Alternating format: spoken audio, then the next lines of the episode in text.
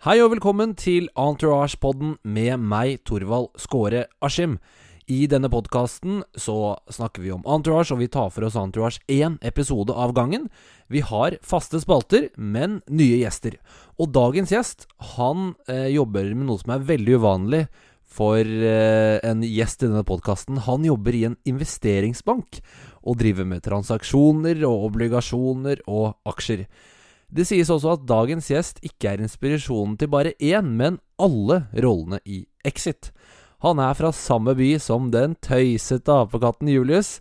Han er den første gjesten som faktisk har bodd i California. Velkommen til Entourage-podden, Erlend Fladstad. Tusen takk eh, for det, Torvald. Jeg var veldig spent på min introduksjon og må si meg veldig fornøyd. Så bra. Um, Stemmer det? Nei, det gjør jo ikke det. Jeg tror Exit hadde vært uh, dørgende kjedelig hvis det var basert på mitt liv. Eh, så det er jeg glad det ikke er. Men, Men du er jo eh, den første gjesten som jobber med noe seriøst, på en måte. Eller driver med noe seriøst. Ja, det kommer vel an på øyet som ser. Jeg syns jo dette er veldig seriøst. Man skal ikke kødde med Ja, podkast. Um, Nei, kanskje ikke Men eh, nei, eh, det stemmer også at jeg har bodd et halvår i California. Det var da riktignok i San Francisco, ikke i eh, Los Angeles. Men uh, like fremt eh, et halvår i California der. Og du var også, som jeg husker, du var med i et, et frat, et fraternity. Var du ikke det? Jo, det stemmer det. Eh, det er helt riktig. Det var egentlig en rekke av tilfeldigheter som gjorde at jeg endte opp der. Eh, vi var en gjeng som gikk rundt og hadde alle sett American Pie i vår, eh, vår barndom og var litt interessert i å finne disse ekte fraternity-festene. Så vi banka på døra, og heldigvis hadde vi med oss en eh, gjeng med norske blonde jenter, så vi fikk innpass. Og der eh, kom jeg i snakk med presidenten, som lurte på om jeg ville pledge, uten å vite helt hva det innebar. Så takker jeg ja til det. hva er det? Hva er det? Hva er det å pledge? Nei, Pledge er liksom at du, du har et halvår, som egentlig da var hele mitt eh, utvekslingsopphold, hvor man på en måte Mm. gjennomgår visse oppgaver for å bli med i fraternityen. Men eh, jo, det var en spesiell opplevelse, det. Er, men er det sånn som på film? Er det bare sånn Gå med bikini og passe på en kylling og øh, spise bæsj, holdt jeg på å si? Eller kanskje ikke så drøyt, men er det sånne ting? Um, ja, ikke akkurat de to eksemplene der, men det er på en måte litt ned den gata. Spennende. Det er jo Entourage er jo litt sånn frat-serie. Jeg kan regne med at det er mange fraternities som øh, I hvert fall når dette kom ut, øh, at de digga å se Samles øh, og se det her. Um, uh, hvordan var det egentlig du oppdaget Entourage? Um, ja, som med de fleste andre TV-serier så kom jeg litt sent til festen. Så det var vel nå i høst, høsten 2019 at jeg endelig satte meg ned for å se på Entourage. Eh, og jeg hadde på en måte så klart på en måte oppdaga det tidligere, eh, men jeg hadde ikke Mm. starta å se det. Og så fikk jeg litt nok av at folk reagerte med sjokk og vantro når jeg måtte innrømme at nei, jeg har ikke sett Entourage. Ehm, så da satt jeg egentlig bare sånn halvveis i gang, og så har jeg liksom ikke blitt helt hekta. Eh, Men jeg tror jeg hadde sett akkurat fram til den episoden vi skal snakke om i dag, så det er jo fint. Så nå kan jeg, nå kan jeg følge parallelt podkast og serie framover. Ja, men det er kult. Vi skal jo snakke om episode seks av sesong to, som heter Chinatown. Og før vi går i gang med de faste spaltene, Erlend, så skal jeg bare fortelle kjapt om hva som skjer i episoden. Yes. For å tjene noen kjappe penger foreslår Ari at Vince spiller inn en reklame for en kinesisk energidrikk. Gutta er motvillige helt til de får vite at lønna for én dags arbeid er 500 000 dollar. Turtle vil også være med å tjene penger, så han melder seg på en Xbox-turnering, som han ender med å tape for en tiåring. Vince roter litt med den kvinnelige kung fu-treneren sin, som gir drama juling, før Chase-brødrene spiller inn en legendarisk reklame med kung fu-gangstere. Det var eh, kort eh, sammendrag, Erlend, men eh, dette er jo en sånn episode uten så mye viktig handling for serien som helhet.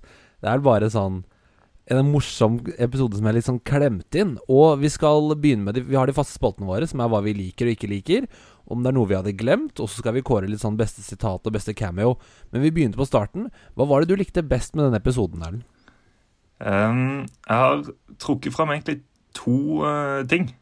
Begge involverer så klart uh, Johnny Drama.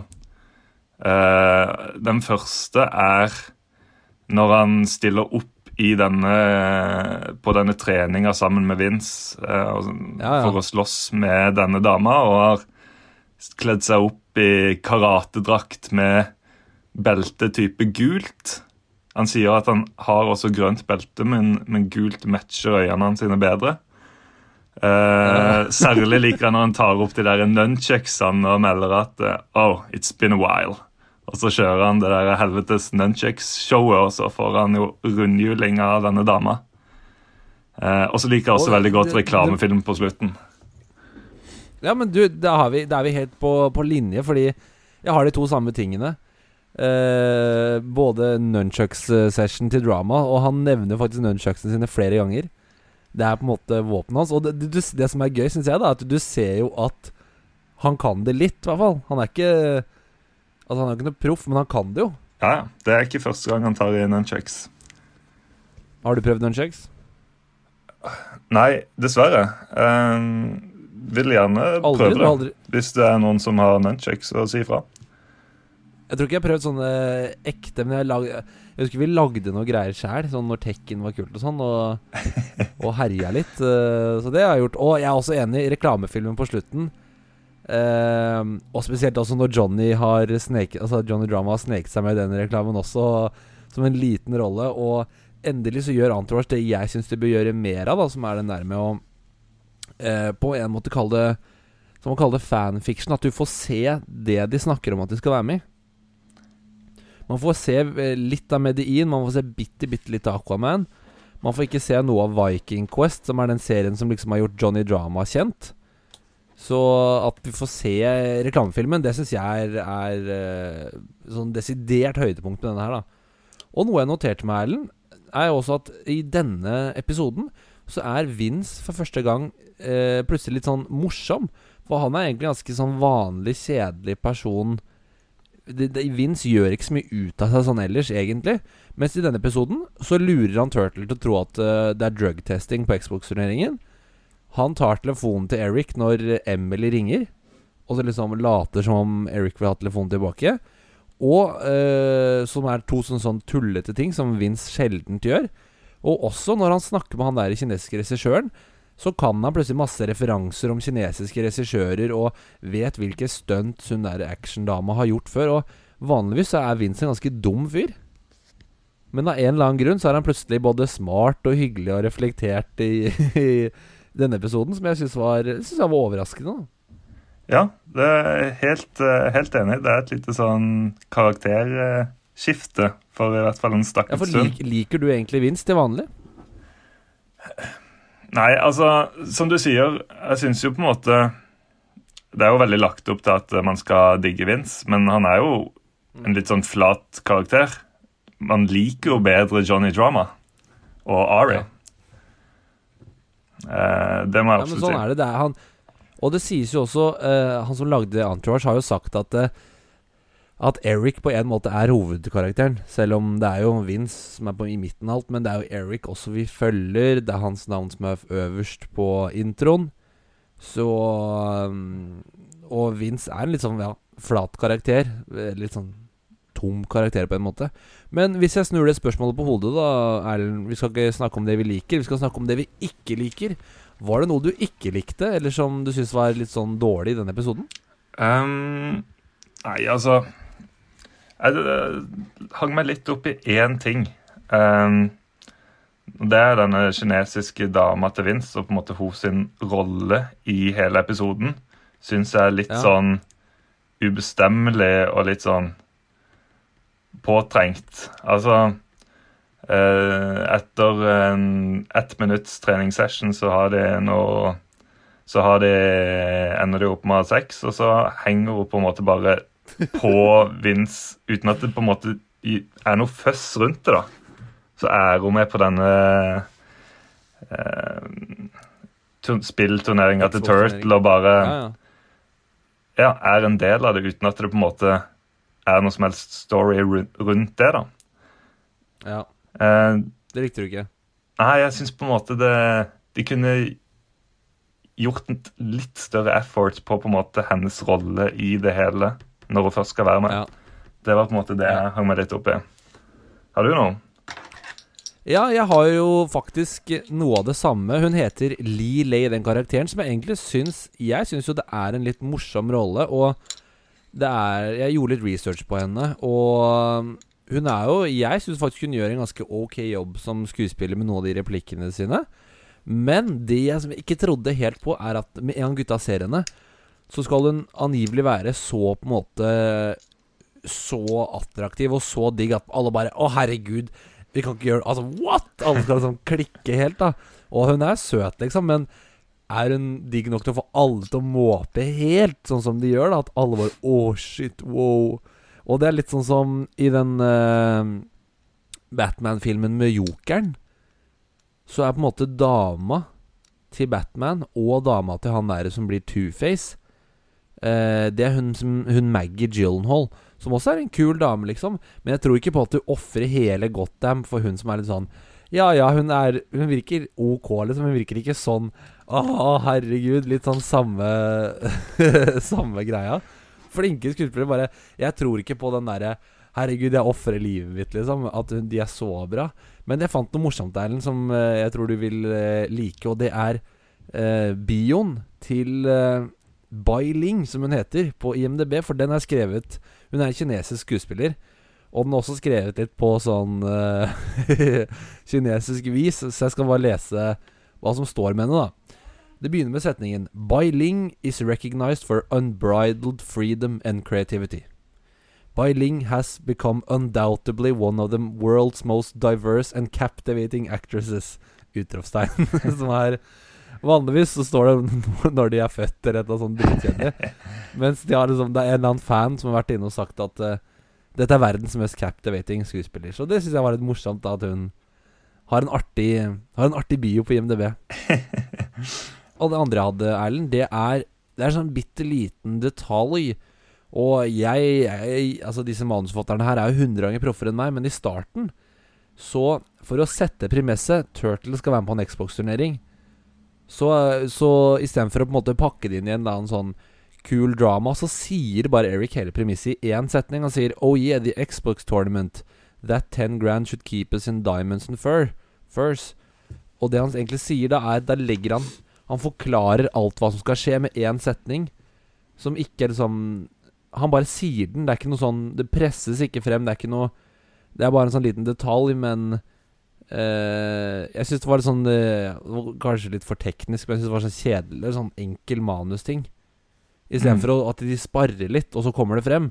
Så bare sier Eric hele plottet. Uh, for å forklare oss som seere, da, hvis det Det er ikke sikkert det ga mening, men Jo, jo, eh, men jeg er helt enig. Helt enig. for et, et annet eksempel Jeg kan ta det eksempelet, det blir litt nølete, men eh, som jeg leser et eller annet sted Hvis du ser for deg Harry Potter, så er på en måte eh, Harry Potter er jo helt uvitende, så alle de andre karakterene må forklare ting til Harry Potter. Og det de egentlig gjør, er at eh, de forklarer det egentlig til deg som ser. Fordi Harry Potter ser et eller annet dyr, og sier han 'oi, hva er dette?' Og da sier Gud 'Dette, Harry, dette er en noe sånt. Og det han egentlig gjør, er å forklare det til oss Ikke sant? på. Det er sånn der teknisk manusting. For hvis, hadde, hvis eh, Harry Potter hadde visst hva det dyret var, da, hadde, da må de finne en måte å forklare det til oss. Som jeg ser det. Samme. Det blir for teknisk og nølete. Nei, men jeg er, jeg er veldig med på den. Uh, det, det gir på en måte bort hele det plottet uh, umiddelbart. Mens på en måte det, det er jo egentlig bare to plott som går helt parallelt her. Mens den her eh, Ja. Mens på en måte hovedfokus for episoden er reklamen eh, til Vince, så er dette på en måte en sånn litt sånn billig add-on. Ja, side, sideplot. Men det, Turtle og Drama har ofte noen egne sånne Egne sånne sideplots. Um, var det Mm. no, eh, vanligvis så kaller vi den neste spalten 'Noe vi hadde glemt'. Men uten å si til deg, så har jeg, så jeg døpt om spalten til Fant du noen morsomme detaljer nå som du så episoden igjen? Men uh, Oi, drama nede i Kristiansand. Ja, det var nesten et bilde som gikk over henne.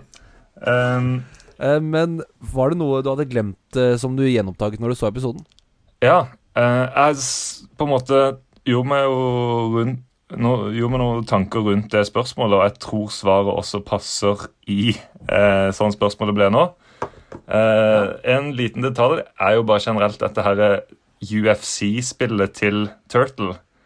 Eh, Er det hadde jeg på en måte glemt litt at det var en greie. Eh, Ja, Alle disse Altså både det og Tekken og alle disse gode, gamle fighting-spillerne. Eh, Hadde du litt- det boksespillet? Ja, jeg hadde en sånn UFC-spill. Ah. Om det var akkurat det, dette, vet jeg ikke, helt. dette er ikke UFC, dette er, dette er Fight Night, heter det her. OK, det, det det er det, ja. boksespill? Det er det, ja. Jeg vet bare E- EA Sport hadde noe sånn der uh, UFC-boksespill. Men uh, Ok, kanskje det er UFC.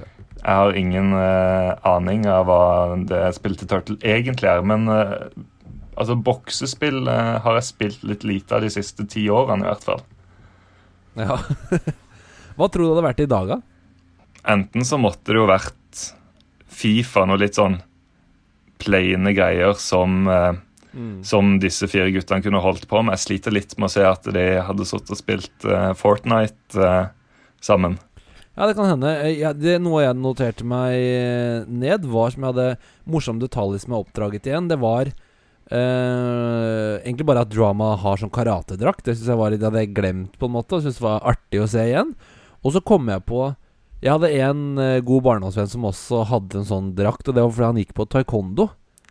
Og så er det sånn at alle jeg kjenner som har, har drevet med kampsport, ingen som har drevet med Eller i hvert fall veldig få som har drevet med enten karate eller Jeg vet ikke om kung fu er en kampsport, ja, men de driver bare med taekwondo og judo, som er sånn derre Er ikke det sånn mjukingversjoner av karate? Hvorfor er det ingen som driver med the hardcore stuff?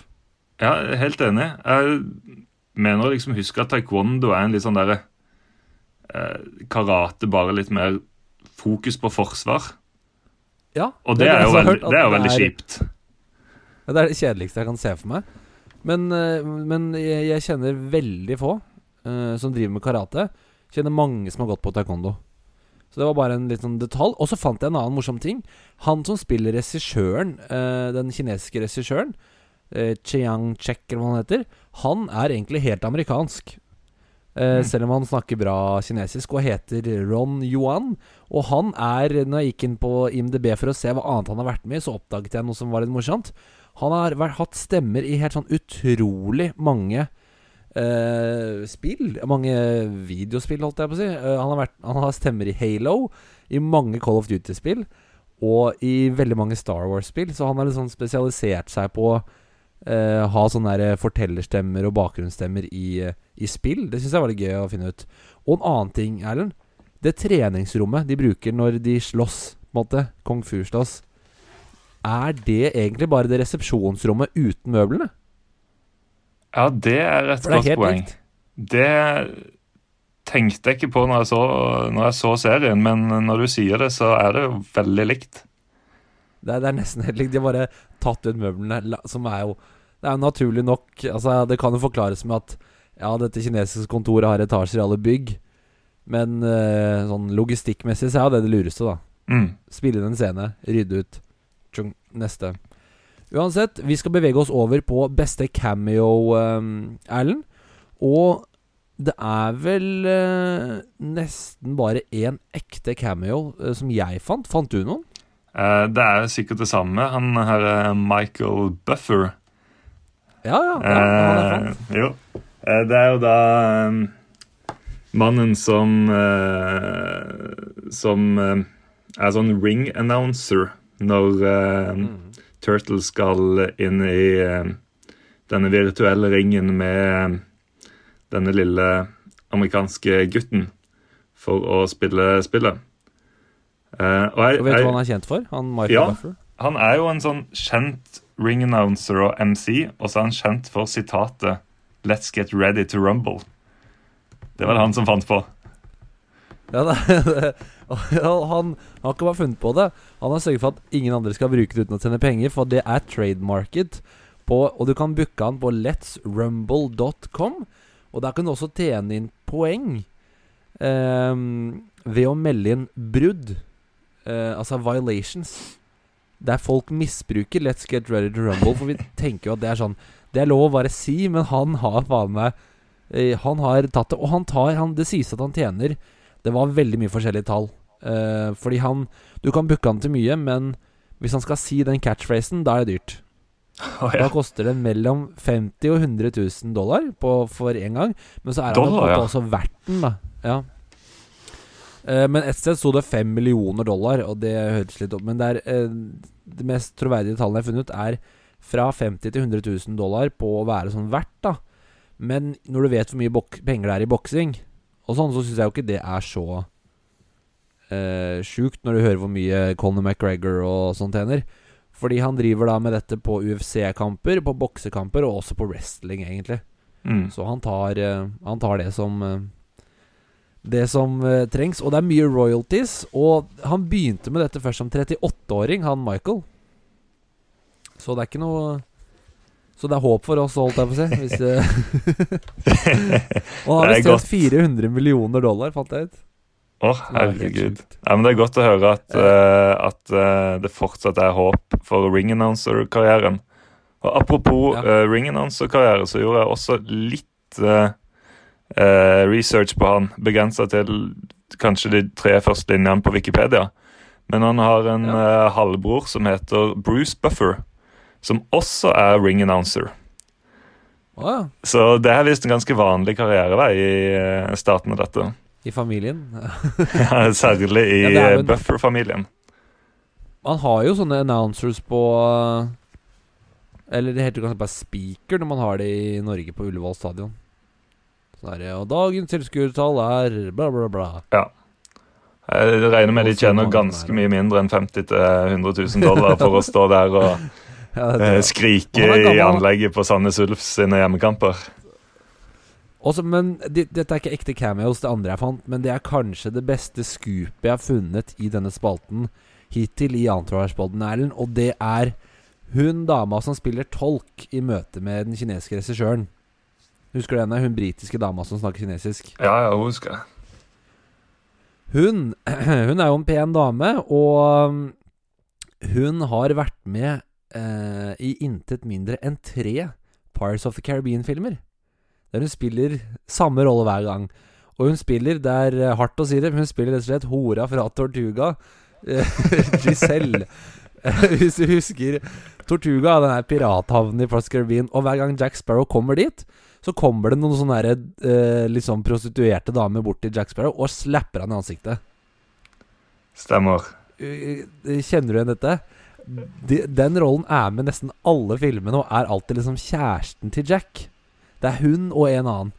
Og hun, det er hun. Hun er med i alle of the Caribbean-filmene som en sånn her gledespike, som jeg syns var litt uh, Jeg synes det var et lite, et lite scoop da når jeg oppdaget at det var henne. Det er jo en Og, eh, fantastisk en- Og en annen ting. Han eh, kineseren som er med i reklamen, eh, som liksom leverer de replikkene Det er mange kung fu-gangstere, men han hovedslemmingen liksom i den reklamen Han heter Simon Ree, og han er visst eh, Han, også, han har vært med som sånn stuntfyr i hundrevis av filmer. Og han eh, sies å ha de peneste og mest estetiske karatesparkene i bransjen. Så det er derfor han ofte er med. sin, Han, som, han gjør det mest spektakulært, da, fant jeg ut. Og en annen fyr som du kanskje kjente igjen, eh, som er med i veldig mye kung fu-filmer. Det er han, han som er helt skalla, han som tar masse flips, og så Ja, roper han sånn høyt. Han kjente jeg igjen. Jeg lurte på hvor jeg hadde han fra. Eh, du har kjent han fra alle andre filmer, for han er med i Han er okay. han, med. ja, ja. Han heter Arnold Chon, og han har selvfølgelig vært med i junior-OL i taekwondo, har masse medaljer og sånn. Men han er også kjent fra filmer som eh, Transformers, Parts of the Caribbean, Wild Hogs og Indiana Jones. Og han spiller stort sett det samme. Men jeg lurer faktisk på om i Pirates of the Caribbean så er han en del av crewet til Jack Sparrow. ja, det kan stemme. Det tror jeg faktisk. Eh, Men eh, ja, det var litt av de eh, kjente folka som Altså best av cameosene. Og egentlig, når du gjør research, alle de der som spiller sånn kung fu-gangstere Det virker som de er med i et crew som er med i alle filmer. Fordi de har virkelig vært med på et sinnssykt mye. Vi skal snakke om øyeblikk som er typisk guttastemning. Vi har jo med oss Erlend, som eh, lever for guttastemning, og har også vært med i et ekte frat når han bodde i California. Så dette må jo være eh, den kategorien du er spesialist på, Erlend. Hvilken stemning syns du var guttastemning i denne episoden? Ja, det er nå jeg skal skinne. Uh, jeg har, har dratt ut et lite avsnitt her. Og det er jo på en måte sånn i den ironiske forstand eh, guttastemning, da. Men det eh, er lov å si det òg, ja. ja, jeg tenker det må være når de sitter og diskuterer eh, vaskehjelp i resepsjonen før reklamefilmen. Og Turtle Ja, melder at han det vil ha Ja. hot cleaning lady that fucks. Og så følger jeg opp med Then she'd be a hooker. Og Turtle responderer med Yeah, a hooker that cleans. Det, den tror jeg skal satse på. Det, det dukker faktisk opp en sånn rolle i Entourage senere. Da, jeg vet ikke om du har sett så langt, Erlend, men Ja, nei, jeg har sett, sett Når- fram til denne episoden. Ja, for når Billy eh, setter opp sitt redigeringsrom av Medien, så passer han på å kun bruke søramerikanere eh, til å klippe, for han syns det er mer autentisk. Og da har de også tatt med seg en gateprostituert fra Colombia som bare går rundt og lager mat og suger folk. Som høres jo helt uh, menneskeanlagt ut, faktisk, når jeg tenker på det nå, så det er ikke bra. Men det skjer i hvert fall i Entourage.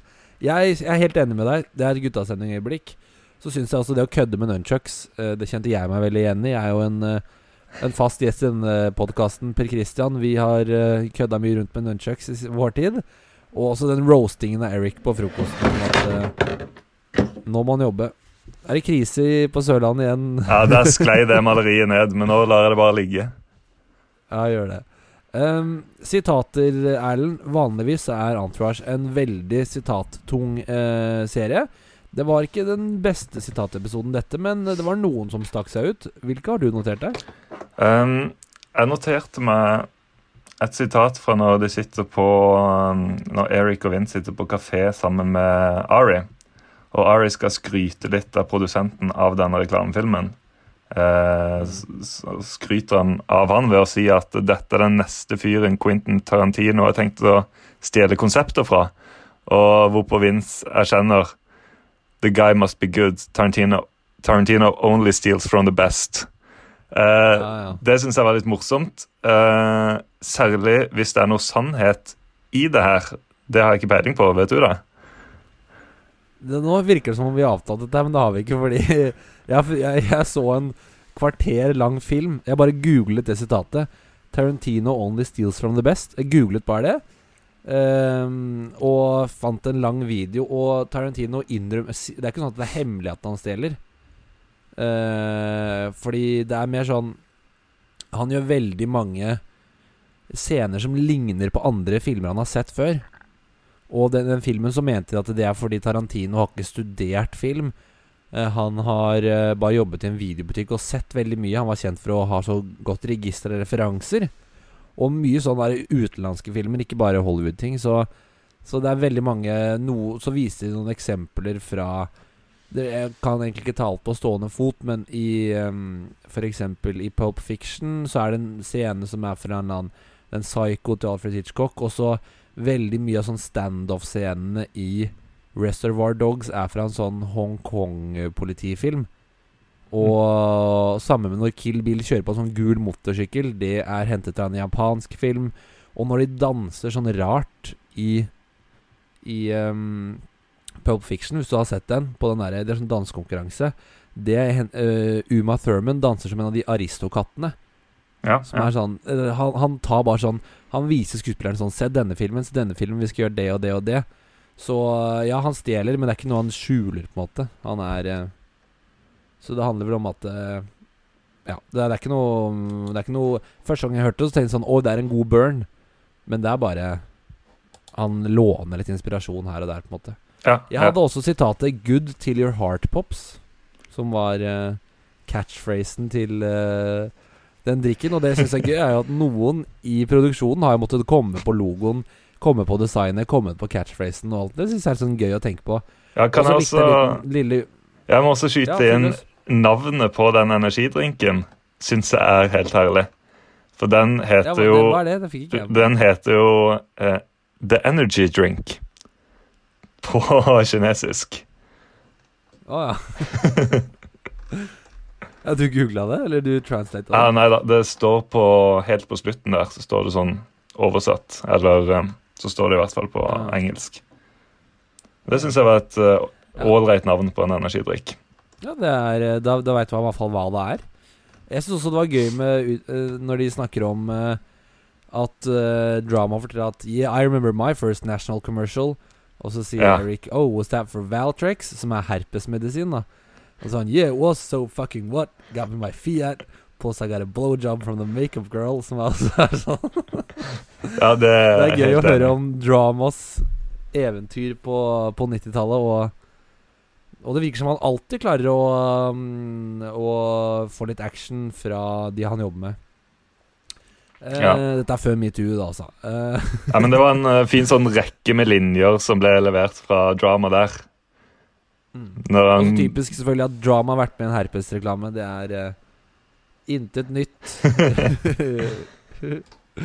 under solen. Um, sanger, Erlend. Vi skal snakke om musikken vi hørte. Jeg fant ingen vanlig kule hiphop- og rockesanger i denne episoden. Fant du noen? Nei, beklager, men der er jeg ganske blank selv. Men det jeg gjorde, da Jeg trenger ikke å snakke så mye om det, men jeg fant jo da en artist som åpenbart lager mye sånn kinesisk eh, musikk, og det er artisten Dun Tan, som har et par sanger i denne episoden. Og jeg vil gi altså han kred for eh, Han gir sangene sine veldig kule titler. Den ene sangen som er med i episoden, heter Night Fight, som jeg syns var Det var bra. Og den andre heter Crouch and Tiger Hidden Dragon. Som eh, jeg syns var morsom, som jeg tror er en film eller et eller annet. Vi skal snakke om outfits, Erlend. Hvilke outfits var det som stakk seg ut positivt for din del i denne episoden? Eller negativt? Um, ja, jeg har jo eh, tenkt på begge deler. Um, jeg tror faktisk jeg skal dra fram denne Scott Wick og hylle han litt for sine Ja, outfits. Ja, ja. Um, syns både den uh, gule linskjorta med den enorme stråhatten som han uh, rocker utenfor bassenget, er ganske rått. Samtidig eh, også den her eh, plantasjeeier slash britisk lord-looken han har når han skal uh, spise middag med sånn vingekrage Ja, ja. og uh, silkeslips. Det er ikke nødvendigvis noe jeg ville eh, dratt på meg selv, men uh, syns det var et fint lite lysglimt. Um, og fortjener honnør. ja, men det er jeg enig i. Scott Wick, han eh, er en eh, Han er litt sånn Litt sånn sossete fyr. Første gang vi møter han, så snakker han om uh, hvor godt han liker russisk kaviar, og, og nå får vi se hvor ekstravagant han bor. Og at han liksom pynter seg bare Selv om det bare er han og kjæresten som er hjemme. Men jeg vil trekke frem eh, drama i karatedrakten, som jeg, vi har nevnt før. Og for så vidt også den eh, singleten han har på seg når han hiver energidrikken til broren sin. Og så er det jo alltid ganske ledge med full hvit dress og rød skjorte og cowboyboots, som Eller hva, hva en Vince har på seg. Det syns jeg var gøy. Og så syns jeg også regissøren, Ron Johan, uh, som han heter i virkeligheten, ser ganske ledge ut. Han ser ut som en slags uh, kinesisk Jack Sparrow, vil jeg nesten si. Ja, han har litt sånn Steve Eh, Aoki-look. Ja, kanskje det er det der, ja. Sti Men uh, Steve Steve, Aoki. hva er Steve Aoki om ikke en kinesisk Jack Sparrow? ja. Ja, Kan jeg også få tatt min dårligste outfit der? Eh, Absolutt, kjør på. For, eh, altså som, Det er klart, Turtle er jo egentlig alltid vinneren av denne kategorien. Men eh, jeg vil faktisk trekke frem Vince her. Eh, det er kanskje litt unormalt, men eh, som du sier, hvit dress med rød skjorte, det syns jeg bør slås hardt ned på. Han fortjener en bøtte i huet. Ja, det, gjør det. Uh, sånn er det. Det er en reklame, kinesisk reklame fra 2005, så det, det blir noen skivebommer innimellom. Vi skal gå over til å snakke om hvordan denne episoden hadde sett ut, Erlend, hvis den var spilt inn i Norge i 2020. Og har du kommet på noen morsomme poenger der? Um, ja, jeg har i hvert fall sett for meg at denne spillturneringa uh, sikkert hadde vært arrangert i Vikingskipet ute ved Hamar. Og at det kanskje hadde vært spilt en Fifa-match eller noe sånt. Nå. Ja. ja, men det er jeg enig med deg Jeg skrev jo egentlig bare gaming er jo noe helt annet i dag enn det det er da. Og uten at jeg vet noe mer om det, så er det jo I dag så er det jo e-sportturneringer. Um, og de tjener jo masse penger, mange av de.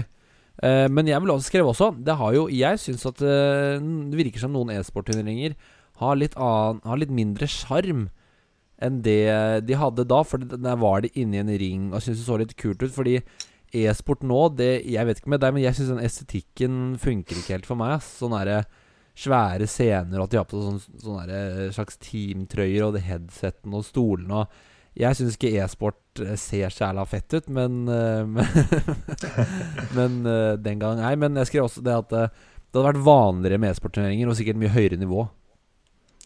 Absolutt. Og jeg er helt enig med deg at det, estetikkene i det er ikke veldig appellerende.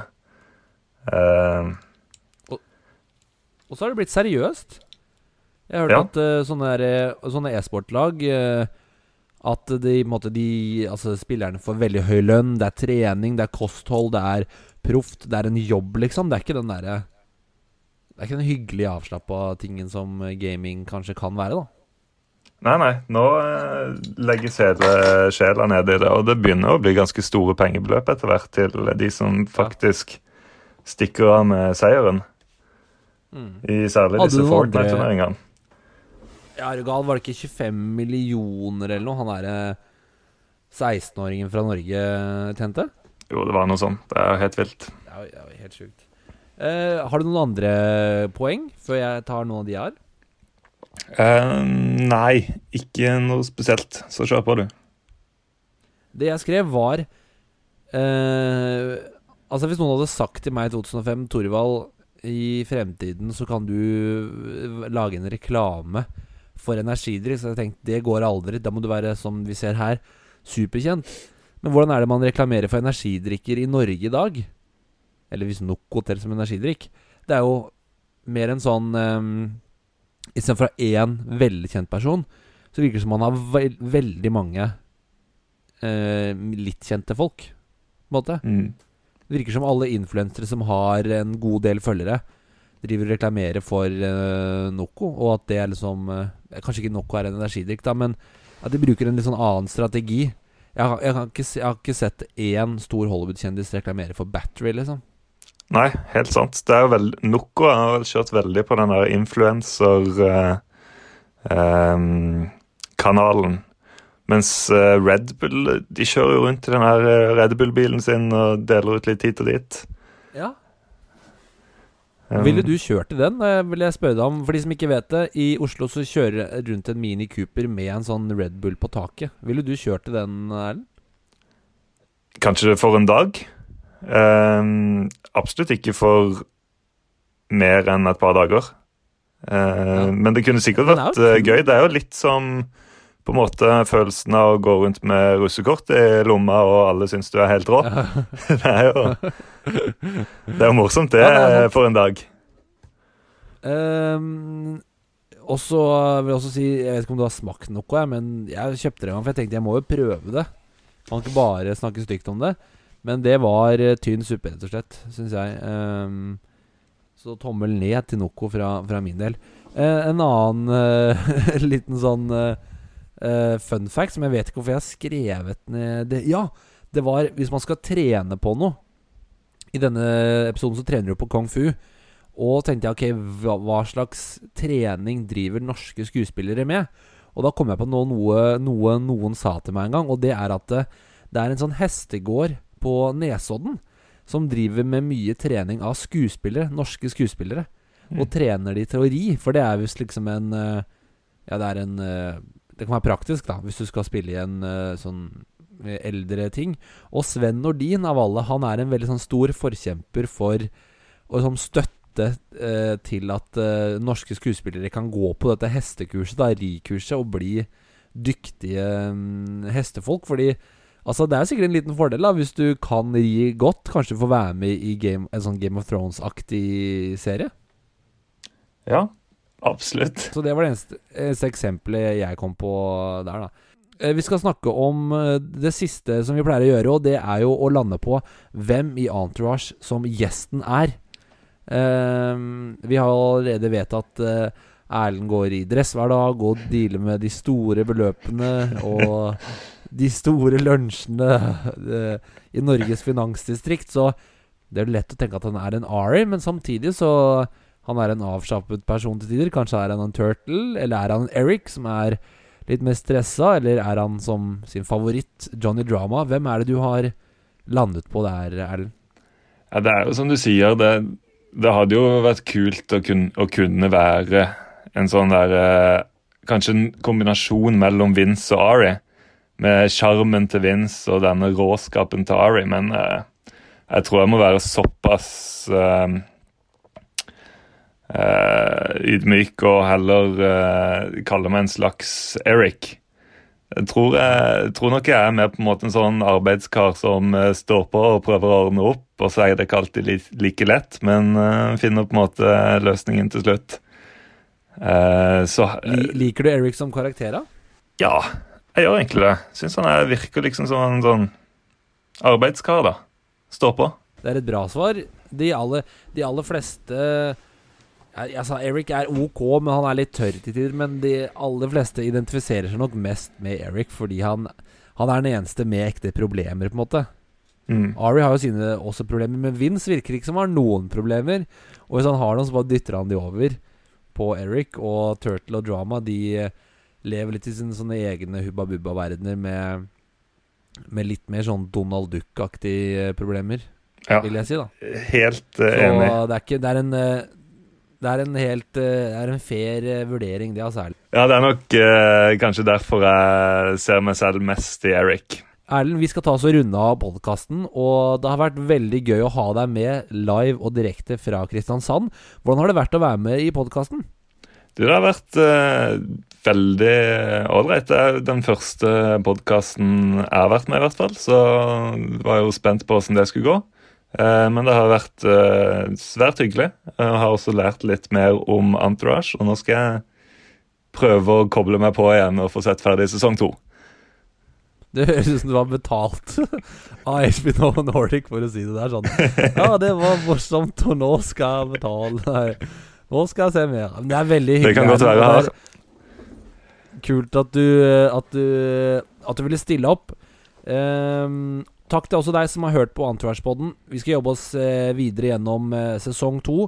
Og nå etter hvert så dukker Mandy Moore opp og lager et eh, reint helvete, rett og slett. Så stay tuned, så kommer det mer bra episoder etter hvert. Ha det bra.